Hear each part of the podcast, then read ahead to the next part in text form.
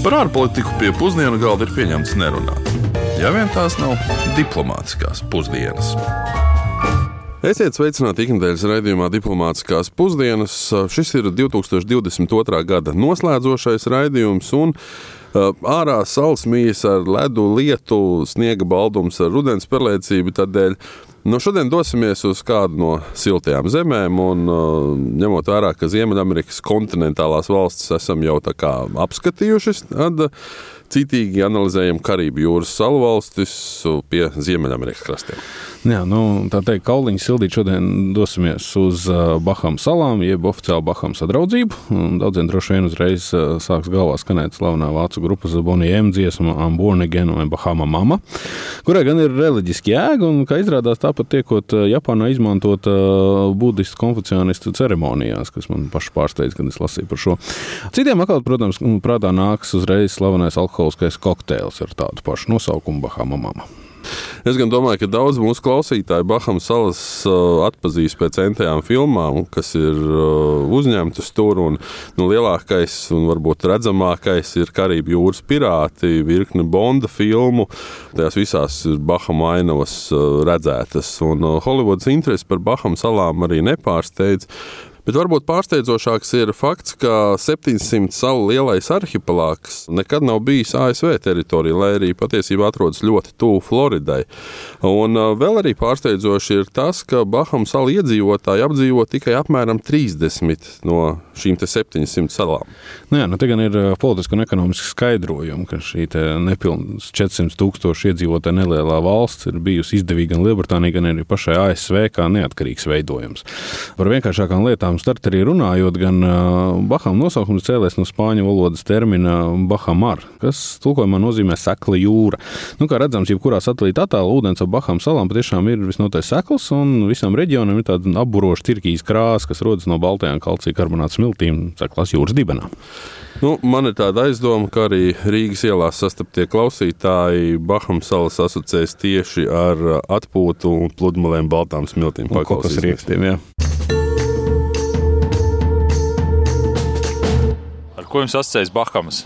Ar atpūtu un sauli. Sala. Bahamas turisma galamērķi. Tas ir siltās zemes, tas ir. Kā lai pasakā, es zinu, kur viņas atrodas, bet tagad, ko pateikt, es tā arī uzreiz nepateikšu. Mm, Tādas salas varētu būt uh, kaut kur pie Amerikas tuvāk. Nu, silti, labi. Nezinu, tāds krēlīts ar, ar, ar puķītēm. Nu, ar pludmalēm. Bahamas, Bahamas salas. Kur atrodas? Varbūt? Tas atrodas vairāk pie ASV kontinenta. Jā, tur vairāk uz apakšu, tur vairāk pie nevis Meksikas, bet uh, varbūt tuvāk Karību salām, Karību jūrai. Ar salām, ar siltu zemi, siltu, siltu vietu. Es pazīstu vienu cilvēku no Bahamām, tāpēc viņas man asociējās ar uh, Karību jūras reģionu, kur ir ļoti relaksēti, jauki, labsirdīgi cilvēki. Valsts, kurā ir diezgan daudz problēmas, bet cilvēki tās problēmas uztver kā vienkārši situācijas, kas ir jārisina un nevis kā kaut kāda dzīves traģēdija. Stāstot par Bahamām, droši vien var sākt arī ar bēdīgi slaveno Kristoforu Kolumbu, jo viņš visticamākais, ka bija pirmais Eiropietis, kurš ieraudzīja salas un sastapa tur dzīvojošos taino pamatiedzīvotājus. Bahām salās arī bija pirmā vieta, kur eh, Kristofors Kolumbs izkāpa krastā savu pirmā ceļojuma laikā. Nu, viņš gan rezultātā atnesa postu un nelaimi, kā jau mēs stāstījām arī raidījumā par Kolumbiju. Pret laika posmā no 1513. gada Bahām salas lielākoties bija pamestas, jo nu, šī gadījumā kolonizatoru darbību rezultātā, jo vietējie, vietējie iedzīvotāji tika piespiedu kārtā aizvest verdzībā vai nomira slimību dēļ, kuras attiecīgi bija ievazājuši Eiropieši. Tikai 1647. gadā apmēram tās tika pa jaunam kolonizētas, bet šoreiz tie vairs nebija spāņi, bet gan angļi. Un tieši no apvienotās karalistes arī Bahamas kļuva neatkarīgas tikai 1973. gadā. Starp citu, Bahamu valstī vajadzēja būt lielākai nekā tā ir pašlaik. Pēc 1973. gada apmēram 3% no šī salu arhipelāga palika Lielbritānijas īpašumā. Un vēl šobrīd pastāv politiskas kustības, kuras aizstāv ideju, lai Tērksas un Kaikosas salas, kas pieder Britiem, tiktu pievienotas Bahamu salām. Ja dažas salas Bahamu salu iedzīvotāji zaudēja, tad to, ko tie saglabāja no Britu koloniālā perioda, tas ir monarhs. Un monarhs, protams, ir neviens cits kā karalis Čārls III. Proti, Bahamu salas ir viena no 15 nāciju sadraudzības valstīm, kur viņš vēl nomināli ir valsts galva. Nu, politiskie lēmumi gan, protams, Bahamu salu politikā tiek pieņemti parlamentārās demokrātijas ietvaros, un valdības vadītājs ir arī premjerministrs. Bet tagad gan laiks ir parunāt arī par Bahamu salu ekonomiku, jo Bahamu salām ir trešais augstākais IKP uz vienu iedzīvotāju Ziemeļamerikā, un pēc pirktspējas paritātes tas ir apmēram tāds pats kā Latvijā, apmēram 3-2 eiro uz vienu cilvēku. Apstrādes rūpniecība un lauksaimniecība kopā veido mazāk nekā 7% no IKP, neskatoties uz dažādiem valdības stimulējošiem pasākumiem, kas ir domāti, lai šīs nozares attīstītu. Un tas ir skaidrojams ar to, ka salu valstī tikai neliela daļa zemes vispār ir piemērota lauksaimniecībai. Un dažās salās joprojām dominē šī naturālā saimniecība, mazas fermas, neliela apjoma zvejniecība. Nu, bet tā, protams, ir tāda ūdens pilē jūrā, jo nu, gandrīz visas valsts pārtiks produkti tiek importēti. Nu, un arī visai loģiski, galvenokārt no ASV.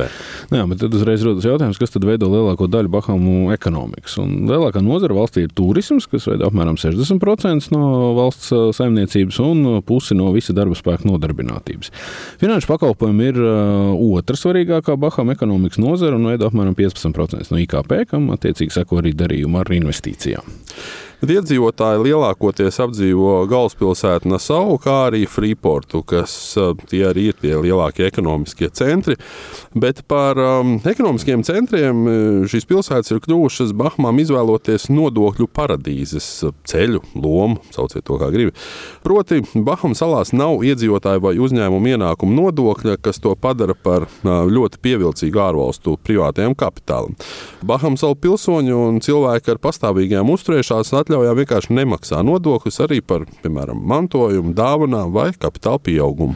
Nu jā, tā vietā valdība gūst ieņēmumus no citiem nodokļu veidiem, tostarp PVN, īpašumu nodokļiem, zīmogu nodokļiem, ievadmuitas nodokļiem un licenšu nodevām. Nu, Bahamas salas ir starptautiskas bankas darbības centrs, kas piesaista ārvalstu finanšu institūcijas ne tikai nodokļu dēļ, bet arī pateicoties politiskajai un ekonomiskajai stabilitātei, Britu tiesību sistēmai un kopumā ilgstoši pozitīvai valsts reputācijai. Ne, nu, kā daži būs pamanījuši, šī reputācija sāk ciest ar vien vairāk pēdējos gados un pat un pēdējās nedēļās. Vispirms jau Eiropas Savienība pievienoja Bahamas salas savu nodokļu paradīžu melnajam sarakstam jau 2019. gadā, nepilnu gadu vēlāk gan tika izņemts atzīstot, ka valsts sadarbojas nodokļu jomā un nodokļu pārvaldība ir adekvātā līmenī. Un tad pašā laikā šī gada oktobrī notikušās Eiropas Savienības padomus ietvaros tika pievienots uh, šim sarakstam atpakaļ. Ir aprēķini, kas liecina, ka nu, apmēram trešā daļa pasaules ekonomikas varētu būt pakļauta dažādiem nu, nodokļu atbrīvošanas režīmiem, vai vienkārši netiek nomaksāts nodokļi. Jā, nu, Oxfam organizācija, piemēram, dažus gadus atpakaļ publicēja datus, kas liecināja, ka apmēram 30 triljoni eiro apgrozās caur nodokļu paradīzēm. Nu, ja rēķinām, ka pasaules visa ekonomika kopumā ir apmēram 90 līdz 100 triljoni eiro, tad sanāk apmēram trešā daļa. Bet Bahamas salas ir bēdīgi slavens ne tikai ar šo nodokļu pirātismu, ja tā to var nosaukt. Bahama reputācija burtiski tikko iedragāja arī amerikāņu uzņēmējiem bijušā miljardieru karjera Sema Bankmana Frīda darbības. Viņam piedarošā un no Bahamām operējošās kriptovalūtu kompānija FTX Trading Limited ir izvirzīts apsūdzības krāpniecībā. Un, faktiski pirms dažām nedēļām, 12. decembrī, Bankmanu Frīdu pēc ASV lūguma arestēja Baham policija un daudziem, ieskaitot viņa advokātu, par pārsteigumu. Viņš neiebilda, ka tiek izdots ASV, kur viņu par apmēram 1,7 miljārdu eiro izkrāpšanu investoriem sagaidot nu, nieka 115 gadu cietumsots, ja viņi notiesās. Jā, nu, cīniski runājot, gan puisis ir jauns, viņam ir tikai 30 gadi, un pieņemot, ka visas 115 gadus viņam nepiespriedīs, visticamākais viņš varētu tikt izlaists arī ātrāk ārā. Visticamākais ir apelēs pie saviem labdarības projektiem, finansiāla atbalsta cīņai ar covid, vegāniskā dzīvesveida un mentālajām problēmām, arī politiskiem ziedojumiem, demokrāta kampaņai vēlēšanās. Respektīvi, visu šo viņš izmantos droši vien, lai apelētu, un viņa advokāti izmantos, lai apelētu, lai sodu samazinātu. Starp citu, Bankmans Frīds esot bijis otrs lielākais donors ASV Demokrātu partijai. Uzreiz aiz nevienam nav pārsniegts Džordžs Soros. nu, viņa bagātība vienu brīdi sasniedz pat 25 miljardus eiro, un viņš ir iegājis vēsturē kā cilvēks, kas ir proporcionāli vienas dienas laikā zaudējis visvairāk no saviem uzkrājumiem, proti 95%. Nu, rezultātā FTX nedēļas tiek pielīdzināts gan Enrona bēdīgi slavenajam bankrotam, gan Bērnija Medofa noziedzīgajai finanšu piramīdai. Nu, tagad viņš ir kļuvis slavens ne tikai ar to, ka mēģināja radīt savu kriptovalūtu, bet pat veselu kriptovalūtu spekulāciju tirgu vai pat nu, tādu kā kriptovalūtu centrālo banku. Jā, un jāsaka, te jau pat sāk iezīmēties tādas skumja tendences, ka gandrīz viss, kas līdz šim ir bijis saistīts ar bitkoinu un citām privātajām kriptovalūtām, piedzīvo neveiksmes. Nu, valūta pat nebūtu, varbūt tas pat tas pareizākais vārds, ko lietot, kriptoprodukts būtu precīzāk. Un uh, runa nav tikai par, piemēram, tādiem gadījumiem kā Salvadoras valsts veikto, veikto bitkoinu kā maksāšanas līdzekļu legalizāciju. Salvadora uh, savulaik uh, kļuva par pirmo valsti, kas to izdarīja, un arī bitkoinos turklāt pārvērt apmēram 4% no visiem valstī esošajiem ārvalstu valūtu uzkrājumiem. Nu, un, kad tas viss sāka brukt šī gada sākumā, tad arī, protams, viss sāka brukt. Tā var izteikties. Un, uh, tas notiek ne tikai valstu, bet arī parasto cilvēku līmenī. Ar vien vairāk tie paši mikrokredītņēmēji arī tepat Latvijā nonāk šajā situācijā tādēļ, ka bija centušies šādi nopelnīt ar spekulācijām ar kriptoproduktiem. Un nesen tieši internetā lasīju kādu joku, ka, lai saprastu, kā darbojas kriptovalūtas, vajag iedomāties nu, apmēram tā. Jūs, ieslēdz, jūs ieslēdzat un darbināt savu automašīnu 24 stundas diennaktī, 7 dienas nedēļā, lai tā savā nodabā risinātu sudoku mīklas un rezultātā jums izsniegtu heroīnu. Nu, kā saprotat, par patērēto benzīnu jūs samaksāsiet savā algā nopelnīto naudu. Lai cik šis salīdzinājums varbūt izklausītos absurdi precīzs, bet tomēr vairāk jums pastāstīt, kas tad ir kriptovalūtas un kāds ir to spožums un posts, to mēs lūdzām Luminor bankas galvenajam ekonomistam Pēterim Strautiņam. Kriptovalūta ir mēģinājums radīt naudu, ko nav izdevusi valsts, kas darbojās vienkārši starp cilvēkiem, kuri vēlas to lietot, kur nav kaut kādas vienas centralizētas uh, valsts institūcijas, kas to visu pārvalda. Tātad uh, Bitcoins radīts 2008. gadā. Tas neapšaubāmi ir guvis zināmu ievērību. Ja cilvēki daudz kas ir investējuši šajā kriptovalūtā, ja to vispār var saukt par valūtu, pat tas, tas protams, ir diskutabli. Un citās kriptovalūtu kopējā tirgus kapitalizācija sasniedza 3 triljoniem dolāru, kad tā bija visaugstākā. Tas bija kaut kad šī gada pirmajā pusē, manuprāt. Bitcoin un, un citu šo kriptovalūtu izmantošana faktiski norēķinos ir bijusi nu, ļoti, ļoti ierobežota. Vienkārši tā sistēma nav vērta. Viņi, viņi var kaut kā strādāt, bet viņa nav vērta. Tas prasa laiku, tas darījumi izmaksā diezgan dārgi, un arī tur ir ierobežots kopējais maksājuma skaits, ko vispār var pasaulē šī sistēma veikt, kas būtu absolūti, absolūti totāli nepietiekams, lai ar to darbotos pasaules ekonomika. Nu tā, tā kā savulaik es pat lasīju tādu interesantu gadījumu, ka notikusi kaut kāda konference par kriptovalūtām, bet nopirkt biļeti šo konferenci par kriptovalūtām nevarēja. Nu jā, tad varētu teikt, tā ir bijusi līdz šim tāda interesanta intelektuāla rotaļa, kuras ietekmes pasaules ekonomiku ir bijusi ļoti maza. Kas ir noticis šogad, šī gada otrajā pusē, kad uh, pasaules centrālās bankas ir pacēlušas procentu likmes, samazinājuši vai pārcelkuši tā saucamos kvantitatīvos pasākumus, aktīvu pirkšanu, samazinājuši visus šos pasākumus, kas palielināja likviditātes apjomu finanšu sistēmā, radīja papildus īsto naudu, ar ko cilvēki varēja spēlēties ar, ar kripto naudu. Tad līdz ar uh, citiem relatīvi riskantajiem aktīviem šo kriptovalūtu vērtība samazinājās. Un, un, protams, tā samazinājās daudz, daudz, daudz vairāk nekā samazinājās akciju tirku vērtība, piemēram. Kur tas kritums bija, bet, bet, bet samērā mērens, nekas īpašs uz vēsturisko krīžu fona. Un, uh, pielietojums reālajā ekonomikā tāds, kas būtu tiešām nozīmīgs, līdz šim nav atrasts. Un es pat varētu teikt, protams, ir kaut grūti ir, ir tā drusku riskanti apgalvot, ka tas nekad nebūs. Bet um, cilvēki, kas tajā jautājumā ir iedziļinājušies un arī saprot, kā darbojas klasiskā finanšu sistēma, viņi saka, ka var teikt, ka nu, tur vienkārši nav iespējams. Liela mēroga pielietojums tāds, kas varētu aizstāt klasiskās valūtas. Vienkārši tā tās kriptovalūtas ir, ir uzbūvētas. Teiksim, es pats nekad neesmu pircis kriptovalūtu, neplānoju to darīt, bet es personīgi pazīstu cilvēkus, kas bija nopirkuši. Un uh, viņi ir zaudējuši vismaz daļu no ieguldītā. Un kā, kā diemžēl notiek šādos brīžos cilvēki, kuriem finansiālā situācija tā nepārāk laba, diezgan nedroša, viņi izmisīgi dažkārt meklē kaut kādu iespēju kā nopelnīt kaut kādu brīnumu līdzekli. Dažkārt tieši šādi cilvēki izdara ļoti kļūdainus lēmumus, vai nopērk kriptovalūtas, vai iesaistās azartspēlēs un padara savu situāciju vēl sliktāku. Lai cik būtu paēdis, vienmēr ir vieta arī desertam. Nu, lūk, arī esam nonākuši līdz desertam, šodien gribētu turpināt runāt par naudu, jo, piemēram, Bahām dolārs ir vienīgā valūta pasaulē, kur attēlots maršējušs orķestris, nu, respektīvi, Bahām salu viena dolāra banknote ir Nasau policijas orķestris. Bet par godu Bahām salu vēsturē un arī ūģa vaļaspriekam, burāšanai šodien parunāsim par pirātiem. Un tas būs arī kur prieciņš gan Karību jūras pirātu faniem, gan arī ļoti populārās video spēles Assassin's Creed faniem.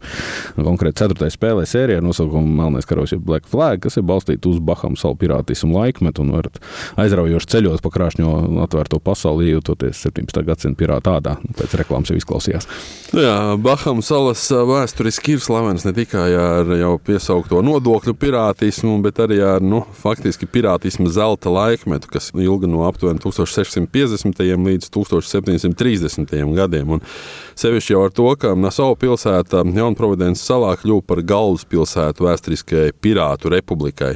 Nu, šī neoficiālā pirātu republika pastāvēja no 1706. līdz 718. gadam, un, lai arī tā nebija starptautiski atzīta valsts, protams, tajā darbojās savi likumi, savs uzvedības kodeks, nu, kas, piemēram, noteica arī to, ka republikas kuģa apkalpes demokrātiski balso par savu kuģu vadību un pret citām pirātu komandām izturas ar cieņu un pieklājību. Nu, ja, vien, ja vien jau nav, nav nu, jānogalina un jāaplaup. Nu, ja, nav jau sastrīdējušies pirms tam.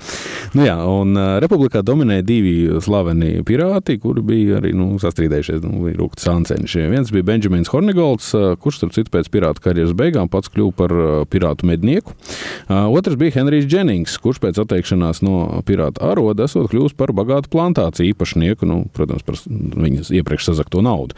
Republikas 12 gadus ilgusī vēsture radīja arī tādus bēdīgus slavens vārdus, kā Edvards Stīčs, jeb Melnbārds, Blackbeards, kas bija ne tik ļoti vardarbīgs, cik bija piestrādājis pie savu biedējošā tēlu un imīģa. Un tāpēc tieši Blackbeard imīģis ir kļuvis par pirātu nu, prototipu pasaules kultūras mantojumā. Un tā kā pirātu darbības izraisīja hausu tirzniecībā un kuģniecībā Rietumindijā, nu, jauniecautais Baham salu karaliskais gubernators Vuds Rodžers 1718. gadā pēc uh, no savas sasniegšanas atjaunoja Lielbritānijas kontroli un faktiski uzsāka šīs Pirātu republikas likvidēšanu. Nu jā, Rodžers piedāvāja apžēlošanu Bahamsalu pirātiem, kas bija pazīstama kā karaļa apžēlošana, un ko daudz pirāti arī izmantoja, nu, ieskatot arī iepriekš minētos trīs. Ar šo pakāpeniski pienāca arī gals pirātismu zelta laikmetam, kas bija sācies nu, kaut kur pat tādu dabisku ekonomisko procesu rezultātā 17. gadsimta vidū. Nu, ja te ir svarīgi paturēt prātā, ka koloniālisms periods un masīva krautu, tostarp zelta un sudraba pārvadāšana no jaunās pasaules uz Eiropu izraisīja, protams, nu, šo kuģi skaitu palielināšanos un ceļojumu apjomu palielināšanos. Un kuģiem bija nepieciešama apkalpe, un darba spēka kvalifikācija attiecīgi sāka kristies, jo nu, kvalificētu cilvēku pietrūka. Nu, par jūrniekiem bieži pieteicās cilvēki bez militārās pieredzes, un kombinācija ar to, ka koloniālās varas nespēja aizsniegt daudzus to nomināli kontrolētos reģionus, un kolonijās arī bija bieži vien korumpēti ielikteņi, kas valdīja. Nu, tad, attiecīgi, noziedzniekiem, pirātiem pavērās uh, iespēja nopelnīt šo arodu, un paliekot nesodītiem, protams, ka šīs nodarbošanās popularitāte tikai auga un auga, un, protams, attiecīgi, pirātu skaits arī.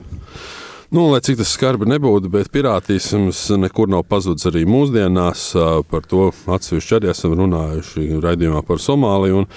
Noteikti vēl vismaz kādu reizi runāsim, jo aplūkojumās jūrā ieskautās un salu valsts mums vēl ir palikuši ļoti, ļoti daudz. Bet nākamā gada pirmais raidījums būs tieši par vienu šādu salu, proti par Singapūru. Atgādināšu, ka gan šis, gan visi citi 120 mūsu raidījumi ir klausāmi podkāstu veidā, mūzikas straumēšanas vietnēs, arī Latvijas radio mājaslapā un mobilajā lietotnē. Uz atcerēšanos 2023. gadā un vienkārši laimīgu jauno gadu! Lai mierīgi un droši jums jaunā gada sagaidīšana! Diplomātiskās pusdienas katru otrdienu pusdienos Latvijas Radio 1.